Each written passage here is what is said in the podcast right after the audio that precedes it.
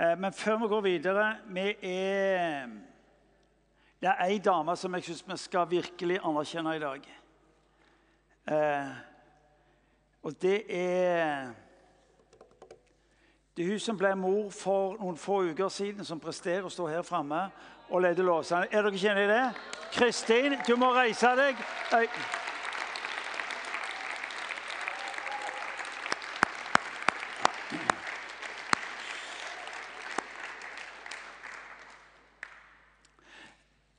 Dette får så vidt et budskap til, til lovsangsfolk. og Noe av det som fascinerer meg med, med lovsangene våre, det er at eh, når vi berører tema som har med tilbedelse og lovsang å gjøre, så, så er noe av det som gjør inntrykk på meg når jeg møter disse her i vårt eget hus, for det er mange av de, mange av dere, det er at eh, tilbedelsen og lovsangene er ikke bare noe som skjer der oppe, men det er noe som lever i dere eh, hver dag gjennom hele uka, som gjør at det er troverdig. Når dere ser de som står her framme, og, og, du tenker ja, det er jo fint og det er vakkert, og, men, men, hvordan er de ellers? Så kan jeg fortelle deg at Det som har gjort inntrykk på meg, det er at det livet som du ser her, lever, det, lever disse i, i, det daglige. Uh, og det gjør vitnesbyrdet deres så troverdig og betyr så mye, bl.a. for meg som får lov til å være en del av det. Så Kristin klapte vi for. Nå skal vi få lov til å gi skikkelig takk til lovsangsteamet og de andre som er med i lovsangstjenesten. La oss gi dem en skikkelig klapp.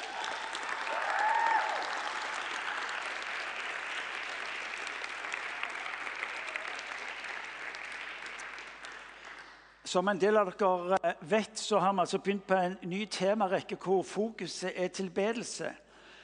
Og det er en del som spør ja, men hva mener du med tilbedelse. Og Det er grunn ikke så gyselig lett å si. Men, men, la meg gi dere et eksempel. Eh, tilbedelse sier noe om på den ene siden å underkaste seg, underordne seg, eh, legge seg ned. Det andre ordet i nytestamentlig betydning så betyr det å kysse. Det er en av betydningene. Eh, og, og, Noen tenker ja vel, det hørtes ut veldig nært, og noen tenkte sikkert kleint ut. Men, men, men det interessante er ordet tilbedelse kan faktisk i enkelte sammenhenger minner om forelskelse. Eh, fordi at eh, Jeg vet ikke om du har sett eh, ungdommer spesielt som når du spør dem hjemme, så nei, de har ikke tid til noe annet. For livet er så opptatt. De, er så mye de skal være med på, de skal være sammen med kamerater. Og så, og så skjer det at de blir forelska. Så det er akkurat som om de har fått en helt ny kalender. Altså Plutselig så så er for, Vi snakker av og til om forsakelse i kirka. Og Noen liker ikke det ordet, men, men i det øyeblikket du er forelska, hva skjer da? Forsakelsen er ikke et problem. Da rydder du ting til sides. Ja, vel. Da, da, da, er plutselig ikke lenger dette med tid eller et problem fordi at eh, Nei, jeg skal være sammen med han, jeg skal være sammen med hun. Ja, men Har du, har du tid til det? Å ja, men jeg må bare rydde noe til sides. Og så blir altså den som er forelska, blir plutselig sånn type Det blir altoppslukende. Eh, det å skulle være sammen med, med ett menneske over lang tid blir sånn. Hvem er det Du har, du har sittet i telefonen i to timer nå. Hva er det som skjer? Nei, jeg snakker med, med dama. I to timer har du tid til det? Ja, det er klart det er det. Altså Plutselig er det noe som ikke er problem lenger. Hvorfor i all verden er det ikke problem lenger? Jo, fordi jeg, jeg har begynt å tilbe. Noen kaller det for forelskelse. Men tilbedelse er egentlig å la hjertet sitt bli dratt inn i en relasjon. Eh, tilbedelse er egentlig kanskje det mest beskrivende ordet på hva du vil bli i livet. For det som du tilber, det vil du bli lik. Og når du og meg tenker ja, det gjelder bare Og så plasserer vi det. Nei, greia er det at tilbedelsen den har du og meg i fødselsgave. Når du og meg kommer til denne verden, så, så vil de vi er, ha ett ønske. Det å kopiere, det å bli lik noen, fordi at det er noe i oss som sier at jeg er skapt til å være en del av en større helhet, av en større familie, en større historie. Og Det er fascinerende å se at eh, når ungene er så små som f.eks. hun Altså, jeg er gift med ei dame som har blitt bestemor de siste åtte månedene. Og Det er fascinerende å se når hun besøker dette barnebarnet sitt, så er hun opptatt med én ting, og hva er det? Det er at denne ungen skal gjøre akkurat det samme som hun gjør.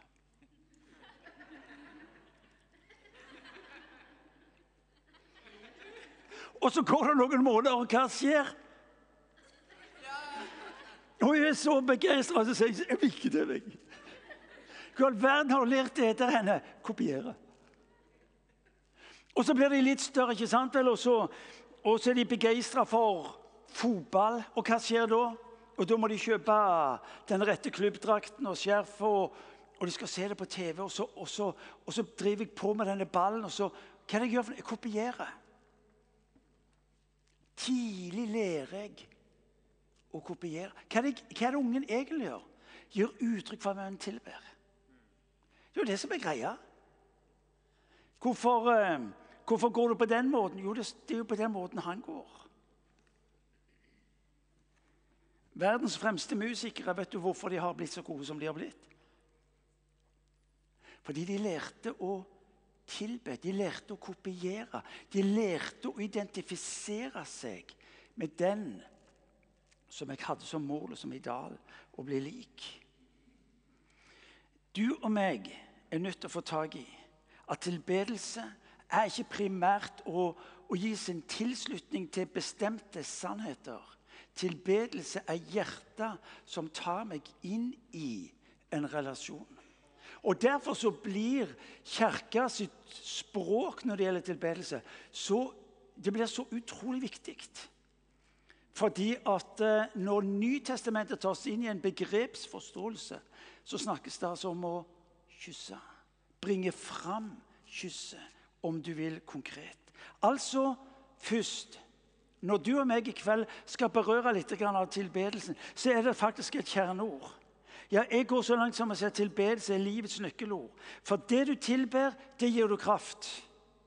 Det du velger å fokusere på, det gir du kraft. Og Dette gjelder alle mennesker. Det er ikke snakk om ja, det er de kristne som tilber. Alle tilber vi fordi vi er skapt til å tilbe.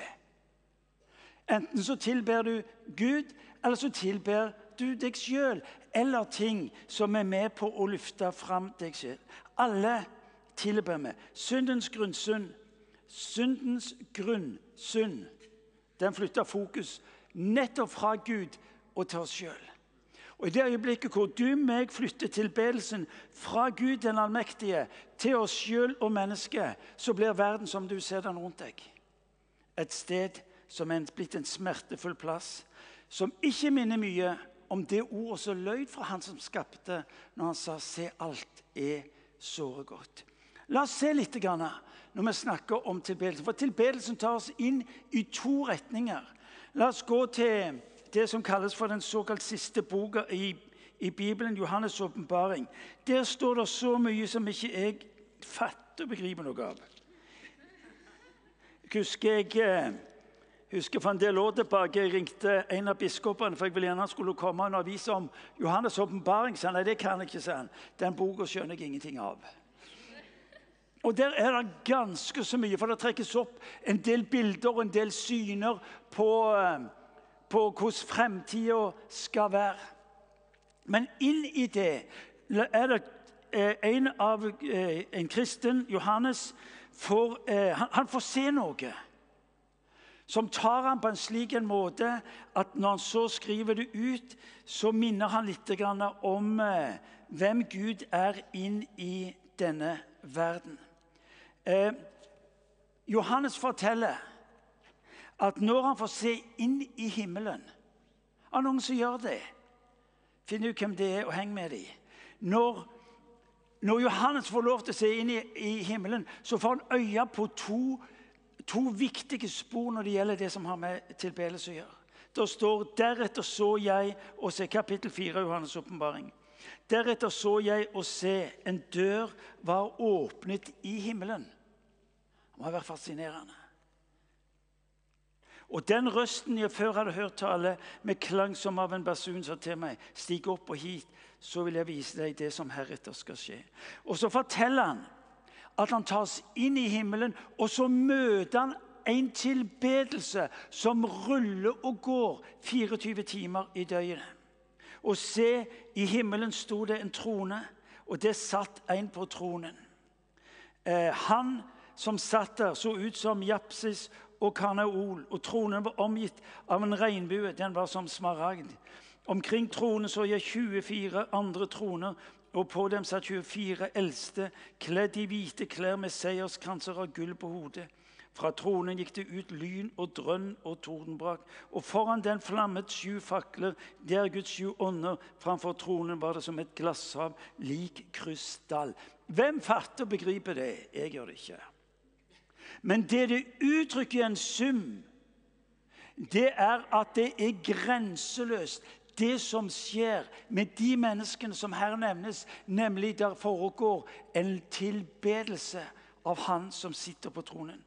Og, i, og på midten rundt tronen var det fire skapninger. De var dekket av øyne foran og bak. Den første skapningen lignet en løve, den andre lignet en okse, den tredje hadde ansikt som et menneske, og den fjerde var lik et flyvende ørn.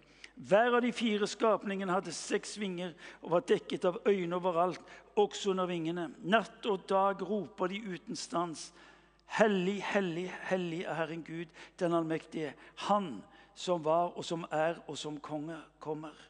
Og så står det, og Hver gang de fire skapningene priser og ærer og takker ham som sitter på tronen, og som lever i all evighet, faller de 24 eldste ned for ham, som sitter på tronen, og de tilber ham som lever i all evighet. De kaster sine seerskranser framfor tronen og roper:" Verdig er du, vår Herre og Gud, til å få pris og ære og makt, for du har skapt alt. Ved din vilje ble alt til skapt av deg. Tilbedelse er å få lov til å få et møte med den allmektige.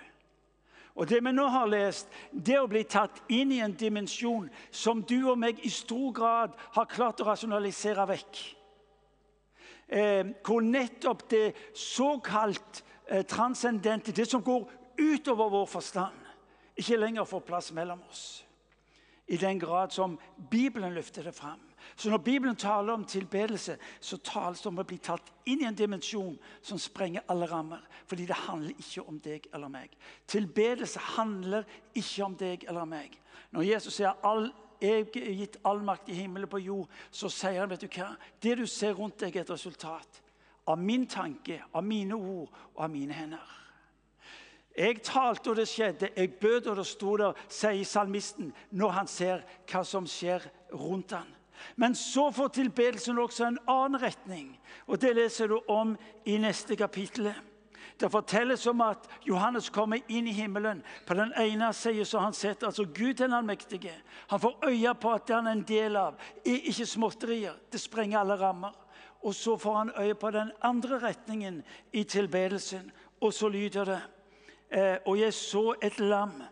Nei, det starter med at eh, og jeg så at han som satt på tronen, hadde en bokrull i sin høyre hånd. Det var skrevet både inni og utenpå den, og den var forseglet med sju seil. Da så jeg en mektig engel som ropte med høy røst.: Hvem er verdig til å åpne boken og bryte seilene? Men verken i himmelen eller på jorden eller under jorden var det noen som kunne åpne boken eller se i den. Da gråt jeg sårt fordi ingen var funnet verdig til å åpne boken eller se i den. Men en av de eldste sa til meg, gråt ikke. For løven av Judas stemme, Davids rotskudd, har seiret og kan åpne boken for de sju seilene. Og jeg så et lam som sto midt på tronen, mellom de fire skapningene og i kretsen av de eldste. Og det så ut som lammet var slaktet. Det hadde sju horn og sju øyne, og øynene er Guds sju ånder som er sendt ut over hele jorden.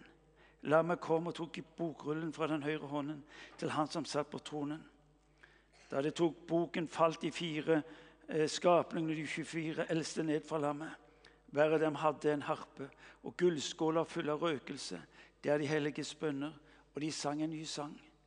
Verdig er du til å ta imot boken og bryte seilen på den. For du ble slaktet, og med ditt blod har du frikjøpt for Gud mennesker av alle stammer og tungemål, av alle folk og nasjoner. Du har gjort dem til et kongerike og til prester for vår Gud, og de skal herske som konger på jorden. Verdig er lammet som ble slaktet, verdig til å få all makt og rikdom og visdom og styrke og ære og pris og takk. Og hver skapning i himmelen og på jorden og under jorden og på havet, ja, alt som finnes i dem, hørte jeg si, Han som sitter på tronen, Han og lammet være takk og ære, pris og makt i all evighet. De fire skapningene svarte amen, og de fire eldste kastet seg ned og tilba. Tilbedelsen tar oss inn i ulike retninger. Den første er erkjennelsen av at når Bibelen taler om tilbedelse, så taler den på den ene sida om Gud den allmektige, og på den andre sida om Han som hang på et kors. At når Gud demonstrerer sin makt og sin styrke og sin velde, så er det på den ene sida ved det han har skapt, og på den andre sida ved det han gjør når han stiger ned og dør på et kors. Når mennesker ser svakhet ved han som henger på et kors, så ser Gud styrken til en Gud som har all makt i sine hender. Tilbedelsen fanger, den omfavner begge deler. Guds allmakt og Guds forsonende tjeneste overfor mennesket. Johannes' åpenbaring tar oss inn i denne uvanvittige dimensjonen. Hvem vi tilber, hvem Gud er. Sann tilbedelse er å si om Gud det han sier om seg sjøl. Ikke hva vi skulle ønske at han sa han var.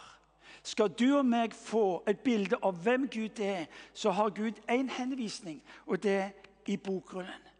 Les om meg i boken, og du vil få det bildet av meg, hvem jeg sjøl har valgt å presentere meg inn i denne verden. Det er interessant at når Jesus lærer disiplene sine å be eh, Fader vår, så starter han med seg sjøl, far. Og så går det videre. La ditt navn holdes hellig. Eller 'Hello be thy name', som betyr, på engelsk som betyr å ære og anerkjenne. Lovprise, tilbe. I den grad det snakkes om at hans navn skal holdes hellig, om at Guds navn skal holdes hellig, så hviler dette på Gud sjøl. Hvem av oss, du og jeg, er i stand til å hellige hans navn? Du og meg er ikke i stand til det. Hvordan helliger vi hans navn? Jo, i den grad han får lov til å være synlig mellom oss. Hva er tilbedelse? Det å la Gud få lov til å være synlig mellom oss. Tilbedelse handler ikke om hva du og vi klarer å prestere av religiøse øvelser. Tilbedelse er å la Han få lov til å være synlig mellom oss, og ikke når han isoleres. Å bli helliget er og bli gjort delaktig i hans gjerninger, hans handling inn i denne verden. Derfor så blir Bibelen så viktig for oss. Ikke primært som oppslagsbok, for hva skal jeg mene nå? Men som koblingspunkt til den Gud som på den ene siden har sagt all makt er det jeg som har.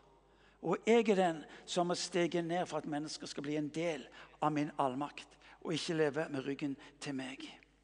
Johannes' åpenbaring kapittel 4. En erkjennelse. En erkjennelse av hvem du tilber. Og du, du tuller ikke med Gud. Du tuller ikke med Gud. Eh, fordi han har sagt at eh, 'jeg er allmaktens Gud, jeg er hellig', og du tuller ikke med meg så blir altså erkjennelsen av Gud som den hellige, som den allmektige, som den som skaper og som handler. Og så skal du meg få lov til å vite at denne Gud er det som har bøyd seg ned, og som handler. Så det første ordet er erkjennelse, det andre ordet er bekjennelse. Gi rett. Samstemme. Si sammen med. Bekjennelse betyr å si det samme som Gud sier. Ja, jeg bekjenner meg som kristen. Ja, hva i all verden betyr det? Å bekjenne seg som en kristen eller som en Jesu etterfølger, det er å si det samme om meg og om han som han sier sjøl. Bekjenne seg til.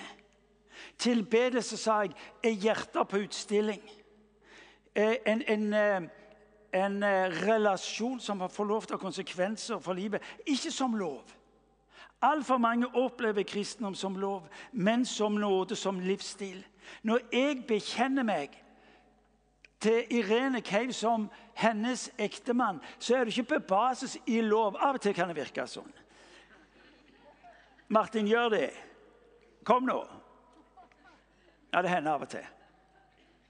Når, Når jeg bekjenner meg til Irene som min kone, så er det ikke fordi det er et regelverk for hvordan jeg skal gjøre det, som gjør at dette skal jeg gjøre, og så vil vårt ekteskap være bra. Det har noe med mitt hjerte som er blitt tent i brann av et møte med den mest fantastiske Og det er faktisk min bekjennelsesdame som jeg kjenner. Ja, det er bra. Ikke for mye. Det kan bli utnytta. Eh, men bekjennelsen Hør nå. Bekjennelsen er jo et resultat av noe som er skapt fra den dama i mitt hjerte. Det var ikke slik at En dag så gikk jeg tur og så tenkte jeg, ja, nå er det på tide å bli forelska. Uh, eh, Irene, så bra. Vi går jo rundt og tror at bekjennelsen på Jesus er vår greie. Det er ikke de greier. Jeg møtte noe i den dama som gjorde noe med mitt liv. Og min bekjennelse var Gud, det må jeg bli mer kjent med. Og så er altså min bekjennelse og min forelskelse et resultat ikke av kjemiske prosesser i huet, folkens. Men at jeg møtte noe som gjorde noe med meg, og som tok meg inn i en relasjon. Så når tilbedelse på den ene sida er erkjennelse av Gud som allmaktens Gud, som den som har bøyd seg ned for å dø i mitt sted pga. mine synder Han er den jeg skal få lov til å bekjenne meg til. Ikke som en konsekvens av at jeg fornuftsmessig tenkte ok, én pluss én er et eller annet, og tro på Gud pluss et eller annet gjør at jeg bør handle her. Bekjennelsen er et resultat av noe som han har skapt. Og det har konsekvenser for livet.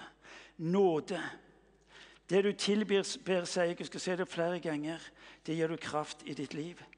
Tilbedelse er den kristnes grunnholdning. Og deri ligger det så mye hvile. Alt annet får komme ut fra denne posisjonen. Alt annet får lov til å komme ut fra denne posisjonen.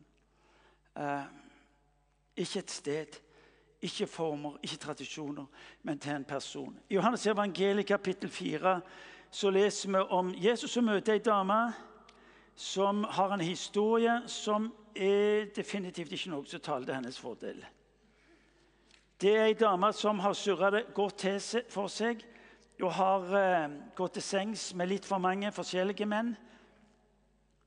Og så merker hun at det Jesus har å tale inn i livet hennes, gjør at hun sjokkeres. og så griper hun tak i det som av og til skjer, at hun begynner å bli religiøse. Og så forteller hun jeg ser at du er profet. Og så sier hun, og hør, og så sier hun våre fedre Hun er samaritan. Hun er, tilhører en religiøs gruppering som jødene ikke kunne fordra. De var ureine, de passet ikke inn. Og en jøde snakket bare ikke med samaritanske mennesker. Og en rabbi snakket definitivt Betegnelsen på Jesus var rabbi, lærer. Og han snakket definitivt ikke til dem. Han snakket definitivt ikke til ei dame. Jesus bryter alle de der reglene fordi han har noe å si inn i et menneske sitt liv. Han møter et menneske der dette mennesket befinner seg, og så har han noe å fortelle. Og så sier denne damen hun skjønner at hun nå møter hun noe hun ikke har kontroll eller oversikten på.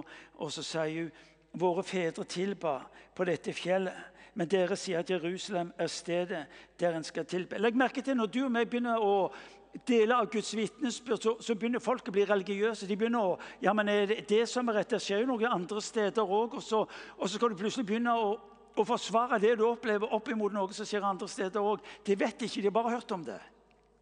Men det er likevel aktuelt å nevne det når samtalen kommer opp. i mitt inntrykk over det. Så dama sier våre fedre tilba Gud på dette fjellet, men dere sier at Jerusalem er stedet der han skal tilbe. Dama har opplevd et under. Hun opplever at Gud taler inn i livet hennes ved denne profeten som var foran seg. Og så sier Jesus til henne, 'Tro meg, kvinne, den time kommer da det verken er på dette fjellet eller Jerusalem dere skal tilbe Far.' Dere tilber det dere ikke kjenner, men vi tilber det vi kjenner, for frelsen kommer fra jødene.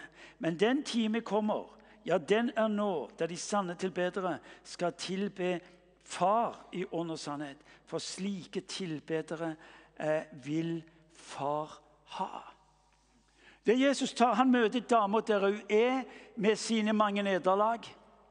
Hun blir religiøse og begynner å argumentere med sånn typisk klassiske religiøse problemstillinger.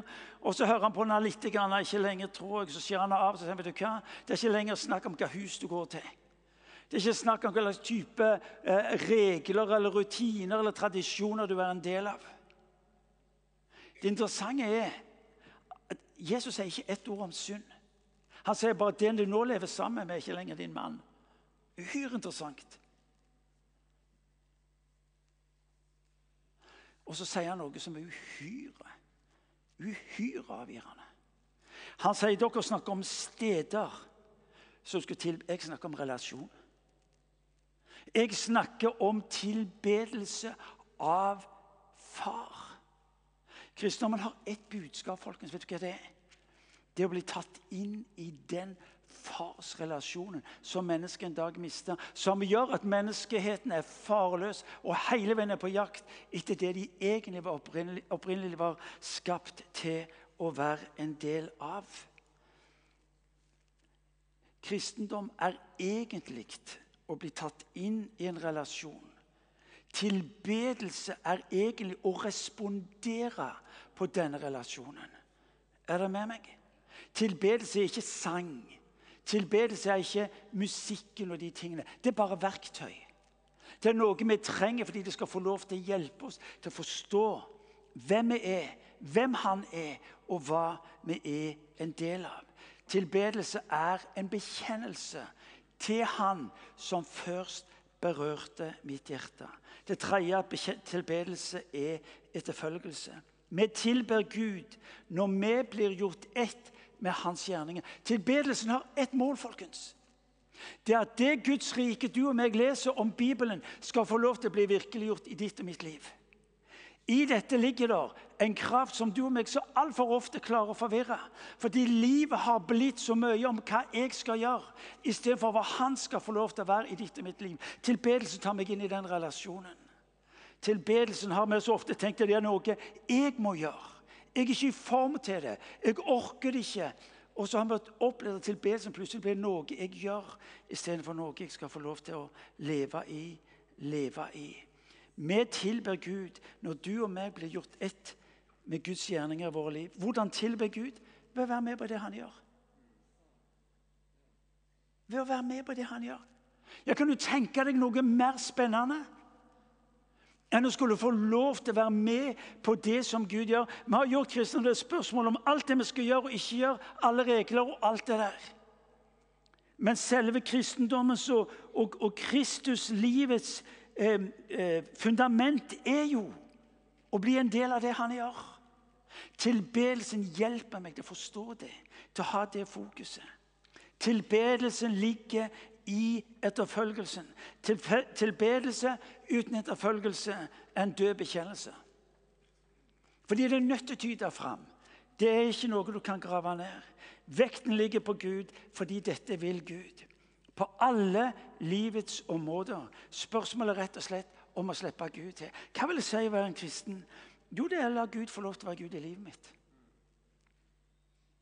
Så enkelt. Ja, men jeg får ikke til å tro. Ja, men det er ikke så bare han får lov til å slippe til i livet ditt. Og så er det ikke slik at Gud er automat. Du har en bekjennelse, og så skjer det. Tilbedelsen tas inn i prosessen. Jeg skal få et par ord om det litt senere. Fordi dette er så viktig for oss å få tak i. Eh, vekta, sier jeg, ligger hos Gud på alle livets områder. Spørsmålet er hvordan kan jeg få se Han slippe til i livet mitt?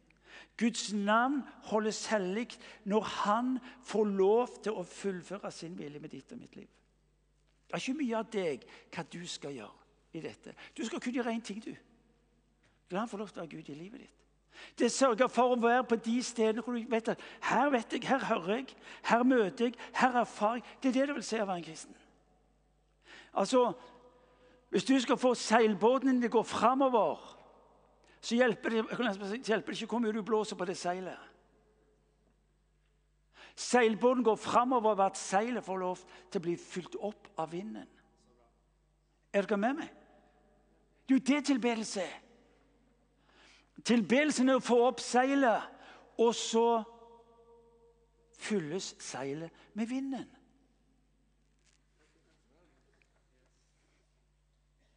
Luther sier at en stein som ligger i sola, behøver du ikke først befale skal bli varm. Det blir den helt enkelt av seg sjøl ved å være i sola. Tilbedelsen tar meg inn i denne opplevelsen. Å være en Jesus det følger er faktisk ikke stress. Det er ikke et kav.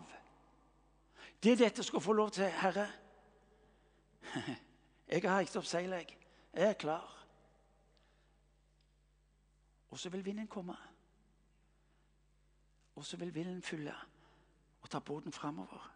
Tilbedelse er vår respons på hvem Gud er.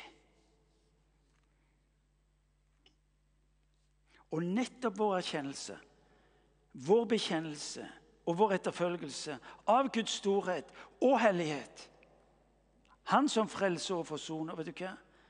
det leder vår tilbedelse mot Han. Din tilbedelse, folkens, er ikke noe du, et resultat av at nå presterer jeg et eller annet, men det er en respons på det er en respons på noe du og meg har møtt, nemlig Hans nåde, Hans kjærlighet. Så altså ledes vi mot Han, skaperen, istedenfor mot skapelsen. Når du og meg tilber, har jeg sagt tre ganger før i dag, gir du Gud makt i ditt liv så har tilbedelsen på den ene sida sin egen verdi ved at den proklamerer, den løfter opp, den ærer, den anerkjenner hvem Gud er. På den ene sida, uavhengig av mennesker, og på den andre sida hvem han vil være i ditt og mitt liv. Når du og meg tilber han, både som den som profeten sier, som bor i det høye og det hellige, og han som har bøyd seg ned hos den knuste, sønderknuste og den sønderbrutte. Vet du hva, folkens? Da holder vi sammen bilder av hvem Gud er, og hvem han vil være i ditt og mitt liv. Tilbedelsen hjelper til fokus på hvem han er, og hvem han vil være i ditt og mitt liv, og å få tak i dette. Når det skjer, åpnes samtidig ditt hjerte for hans liv i våre liv. Jeg møter ofte så mange kristne som strever med å få livet til å henge sammen. Som strever med at de får ikke tak i alt om, uh, på hvordan livet skulle være. Så sier han én ting, bare tilbe mitt navn. For når du og meg tilber Han, så er det Han som gjør noe med ditt og mitt hjerte. Så altfor ofte så blir det snakk ja, du må åpne hjertet ditt for Jesus. Og jeg må bare si, jeg vet ikke hvordan jeg gjør det. Altså, Du må åpne hjertet ditt for Jesus. Ja, hvordan i all verden gjør jeg det? Dønn ærlig. Har du en sånn bryter der inne? eller en sånn? Jeg har ikke det. Men når jeg får lov til å tilbe Han, anerkjenne hva Han sier om seg selv ut ifra sitt ord, hva Han sier om meg, så får jeg lov til å si framfor Ham Vet du hva? La meg få lov til å være i ditt nærvær. La meg få lov til å være i din nærhet. Slik at det åpner mitt hjerte. For du og jeg er ikke i stand til å åpne våre hjerter. Men når han får lov til å berøre det, så skjer det noe. Og så kan du og meg få lov til nettopp å være der lenge nok. Du, du merker plutselig det er noe som skjer med livene våre. Vi lever altfor mye i denne kjapp-kjapp-tida. Trykk på en knapp, og så henter du et eller annet resultat der nede. Men det er jo ikke sånn livet vårt er. Når livet vårt skulle vært annerledes, så sier han ikke 'trykk på rett knapp', men han sier 'søk mitt ansikt'. Guds svar på dine problemer er å tilbe ham. Guds svar på dine problemer er å tilbe ham. Og Dere har hørt meg si det mange ganger. Når livet blir krøkket i mitt liv, når jeg ikke får ting til å gå i hop, og ting skjer, og ting som ikke skulle skje, så, så, så går jeg opp og så setter jeg meg i stolen og sier, 'Kjære Jesus, jeg, du må hjelpe meg til å se som du ser.' Det kalles for tilbedelse. Jesus må hjelpe meg til å få tak i dette, slik at jeg ser det slik du ser det. Og så ligger det altså en bekjennelse til han og hans nærvær i ditt og mitt liv. Det er ikke slik at han trekker seg ut når du har problemer, når du opplever ting skulle vært annerledes i ditt liv. Det er ikke slik at han trekker seg ut. Han er nær. Jeg ble minnet i forberedelsen her om fra Apostelens gjerninger, kapittel 16, vers 25. leser du om Paulus og Silas som sitter i, sitter i fengsel. Og Så står det at de ba, og så sang de hymner eller sanger. De tilba. Og der i det vanskelige og smertefulle så er ikke fokuset det som skulle vært annerledes, men det er fokus på han som har sagt han er nær. Og så blir tilbedelsen en bekjennelse om han som er nær, som møter deg der du er, ikke hvor du skulle være. Og som har tid med oss, og vi sliter med ting i livet som skulle vært annerledes. Tilbedelsen er den arena du og meg inviteres inn på for å få lov til å være der lenge nok til at det livet han har for oss, får lov til å smelte sammen. Er dere med meg? Ja. Dere andre som ikke nikker, er ikke riktig helt sikre.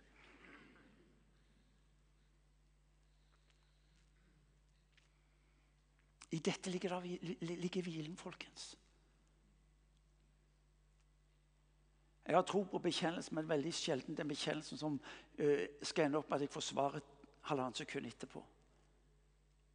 Når Jesus brukte tre år med sine disipler, så var det nettopp for å ta dem inn i en prosess hvor de lærte å tilbe. Han som har sagt han ville være nær dem alle dager. Fordi tilbedelsen forandrer omstendigheter og forvandler mennesker. Der i, feng, i fengselet sitter altså Paulus og Silas. De er lenka. Og så velger de tilbedelsen. Jeg kan strekke teksten litt, at dere aksepterer det. Du og meg har altfor mye, altfor ofte en tendens til å fokusere på det som skulle vært annerledes. Vi definerer livet og livets muligheter ut ifra omstendighetene. Og så sitter du og meg her, og så, og så vet vi hva vi strir med i livene våre. Og så tenker vi jeg, det er noe jeg ikke gjør rett. Det var noe jeg skulle gjort annerledes. Og så er egentlig Jesu invitasjon 'søk meg'.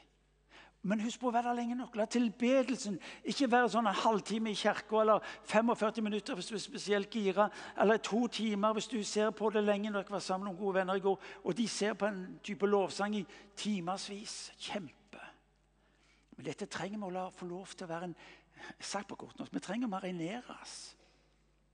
Tilbedelsen er min mulighet for marinering. Og så er jeg der. Og så får han lov til å gjøre sin gjerning i ditt og mitt liv. Tilbedelsen hjelper meg også og så skal jeg begynne å slutte, hjelper meg også til å si nei og ja på de rette stedene. Tilbedelsen bærer med seg beskyttelsen. Vi har snakket om tilbedelse som erkjennelse av hvem han er. Vi har snakket om tilbedelsen som bekjennelsen, en bekjennelse som et resultat av hva han har gjort i ditt og mitt liv. Vi har sagt noe om eh, tilbedelsens eh, konsekvenser med hensyn til etterfølgelsen. Men i tilbedelsen ligger også beskyttelsen til å gjøre de rette tingene. Fordi at Hvis jeg skal forholde meg til bokstavene, så kan jeg diskutere. Men er det relasjonen? Er tilbedelse, hvis tilbedelsen er hjertet, så er det helt andre verdier som ligger til grunn i hjertet vårt, enn det som ligger i huet. På hva jeg tenker er riktig å gjøre og ikke gjøre. Tilbedelsen er beskyttelse til å gjøre de rette tingene. Det sier ja og nei på de rette stedene.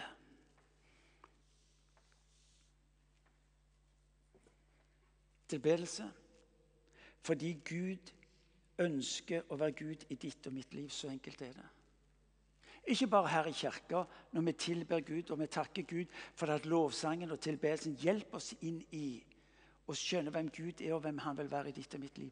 Men tilbedelsen er troverdig når den bæres ut av dette huset på en slik måte at mennesker oppdager hvem Jesus er. Det er uhyre interessant det at denne verden er egentlig ikke så veldig opptatt med eh, dette som har med kristen tro å gjøre. Det er ikke interessant engang. Men det som er viktig i ditt liv, det er det som blir viktig for de menneskene som er rundt deg.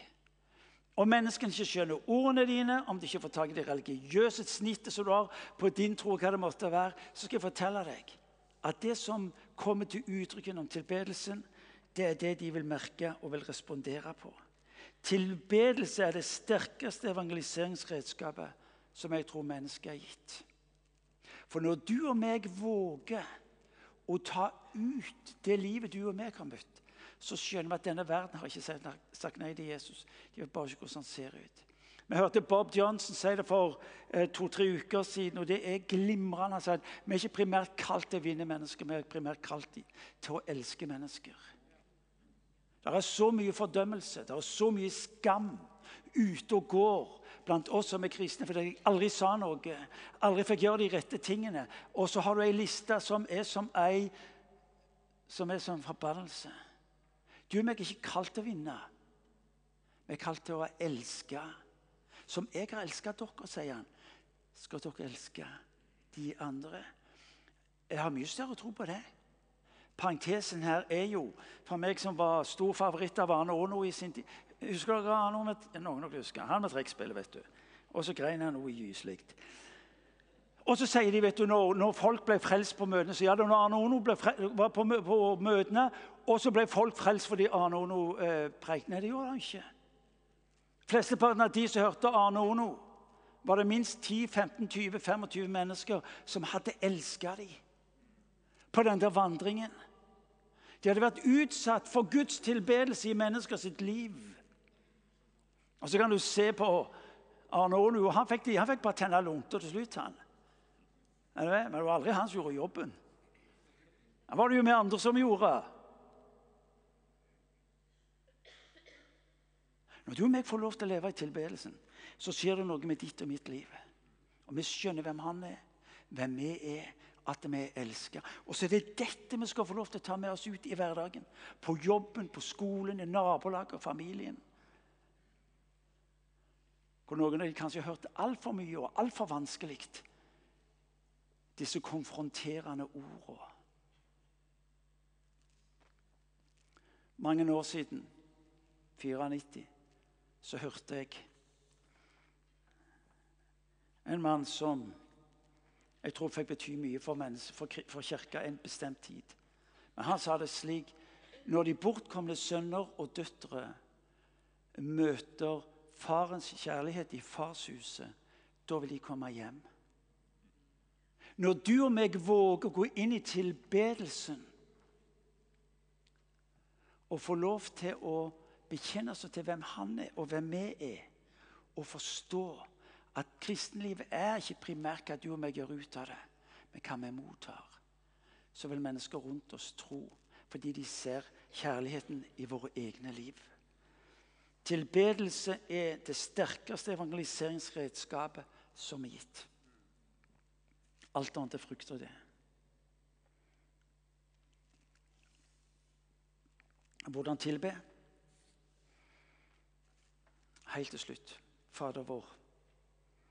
Når disiplene ikke helt har tingene på plass, og de ser hva som skjer i Jesus sitt liv, de ser forbindelse mellom, mellom hvem han er, eh, de gjerninger han gjør, og de har fått tak i at han lever på en bestemt måte så spør de lær oss å be. Bare noen få setninger. Skal du og meg lære å tilbe, så må vi lære Fader vår. Skal du og meg få tak i det han inviterer oss inn i, så er det ikke primært et såkalt religiøst liv. Men det å være en del av den måten som Jesus levde. Jesus er det, som En har sagt det perfekte teologi, men Jesus er også en modell for oss. Og så sier han til disiplene hvis dere vil leve det livet, så kan leve et liv i tilbedelse, så gjør dere det på denne måten. Fader vår. Han tar dem inn i en bevissthet på hvem far er. Han tar dem inn i en bevissthet på hvem han vil være.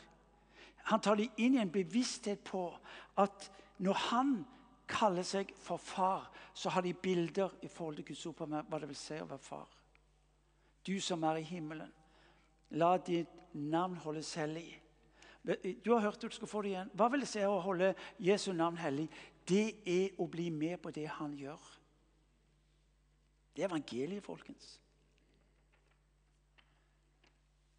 La ditt rike komme.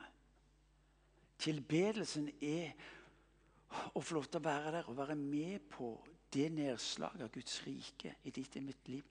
Denne verden vil tro på Gud når de ser at du og meg tilber Han. La din vilje skje. Himmelen som den skjer på jorda. La den få lov til å være det uttrykket. Og så, har, altså, så kan du ta Fader når du legger deg i kveld, og så kan du lese den hver enda dag. Ikke som det religiøse pliktløpet, men som det sted hvor du får lov til å kjenne at her knytter seg til, her kobler seg opp til. Tilbedelse er fokus, og det er det siste. Tilbedelse er fokus. Fader vår ta meg inn i dette fokuset. Hvor jeg skjønner det handler om han og ikke meg. For når tilbedelsen er fokus, så skal du og meg få lov til, som lysstrålene der ute i naturen Når de får lov til å fokusere sterkt, så begynner det å brenne. Så begynner det å brenne. Denne verden er ikke så veldig opptatt med alt det du og meg holder på med. Men de er grassat opptatt med hva er det som brenner. Fordi alle de menneskene som er rundt deg, er det en dyp, dyp lengsel etter å finne tilbake igjen til farshuset. Men de må erfare De må erfare at det ikke er storebroren de møter på veien. Han som du leser om i Lukas evangeliet kapittel 15. De må forsikre seg om at de møter faren, ikke dommeren. Det er altfor mange som i dag innledningsvis er opptatt med å fortelle menneskene hvor fordømte de er, hvor fortapte de er. Jesus møtte mennesket med å si innledningsvis Guds rike kommet nær for deg. Omvend deg. Det betyr skift et sinn og følg meg. Og så vil de i den vandringen få øye på hvem de er, fordi de får øye på hvem han er. Men tilbedelsens sentrum er ikke deg og meg. Du og meg er en frukt av det som sprang ut av hans hjerte mot deg og meg. Og den verden der ute, den vil få øye på hva den kjærligheten er. La oss reise oss og la oss be.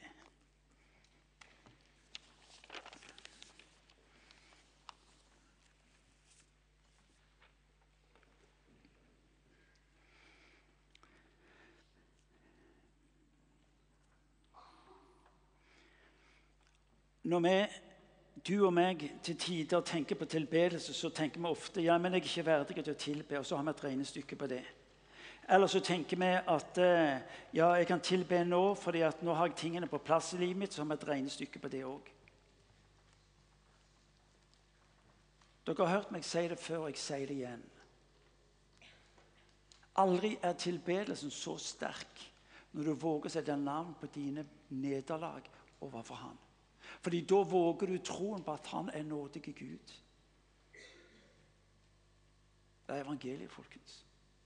Aldri er tilbedelsen så sterk som når du våger å løfte opp og si Herre, du ser, ser nederlagene mine. Du ser at jeg strever få livet mitt til å henge sammen. Og så, og så, setter du navn på det som skulle vært annerledes i ditt liv. Folkens, aldri tilbedelsen så sterk fordi at du våger å tro at Gud er nådig Gud. Som ikke gjør med deg etter, sine, etter dine gjerninger, men som handler med deg for sitt, for sitt navns skyld. Folkens Denne verden leter ikke til det perfekte, men den er, den er grunnleggende opptatt med hvor du henter nåden for i ditt eget liv. Når verden ser Guds nåde, når verden ser, sier Jesus, at menneskesønnen blir løftet opp, altså tilbedt, da skal han dra menneskene til seg. Vi skal faret han er Gud.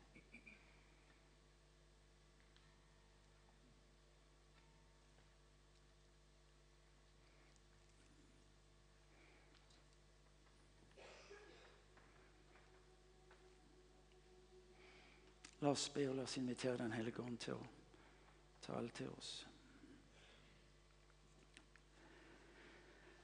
Herre, jeg ber du skal komme til den enkelte av oss her vi står. Du kjenner oss, du vet hvem vi.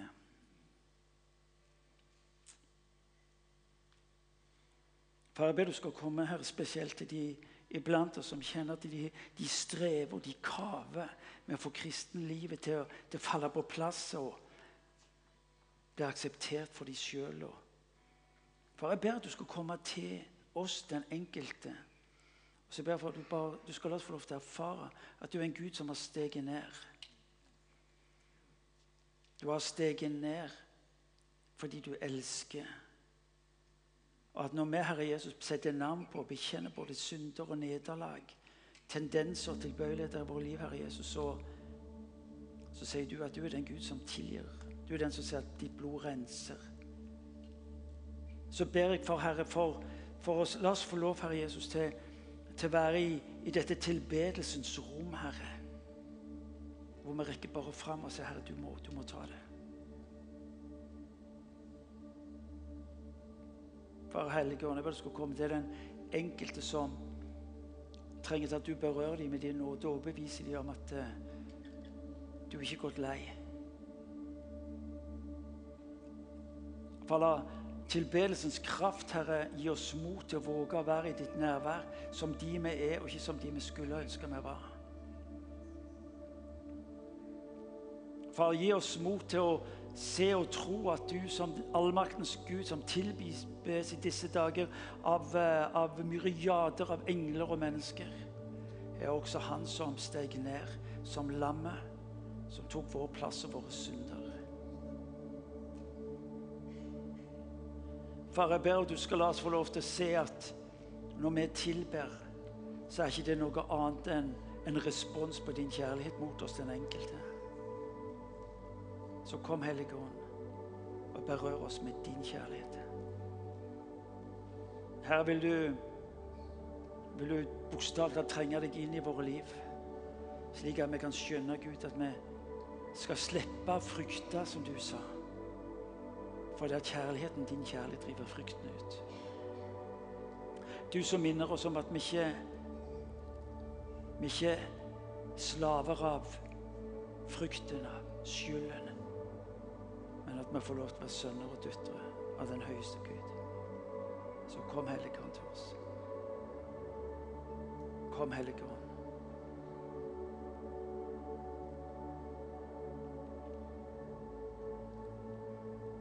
Far, jeg ber du skal overbevise oss som kjenner at eh, vi kommer ikke videre i livet. At eh, du skal overbevise om at vi er bare et skritt vekke. For når du ser at når vi bekjenner våre synder, så renser du. Jeg ber du skal forløse hos oss Jesus, den frimodigheten. Ja, tilbedelsen. At tilbedelsen får lov til å være vår bekjennelse, Herre. Fordi vi har møtt din kjærlighet.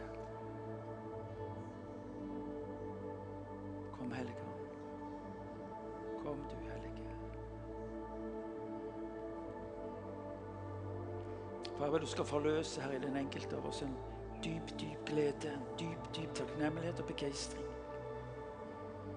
Fordi at når, når du forløser tilbedelsen i våre liv, så hjelper det oss til å se hvem du er, hvem vi er.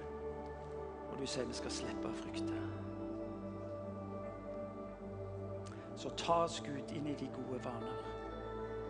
Ta oss inn, Herre Jesus, i de gode vaner, så hjelp oss til å hver dag, hver enda morgen, til å se Gud, hvem du er. Til å våge bekjennelsen på hvem vi er. Til å våge en etterfølgelse som ikke strever og kaver, men som får lov, Herre Jesus, til å være responsen på ditt nærvær og din nåde.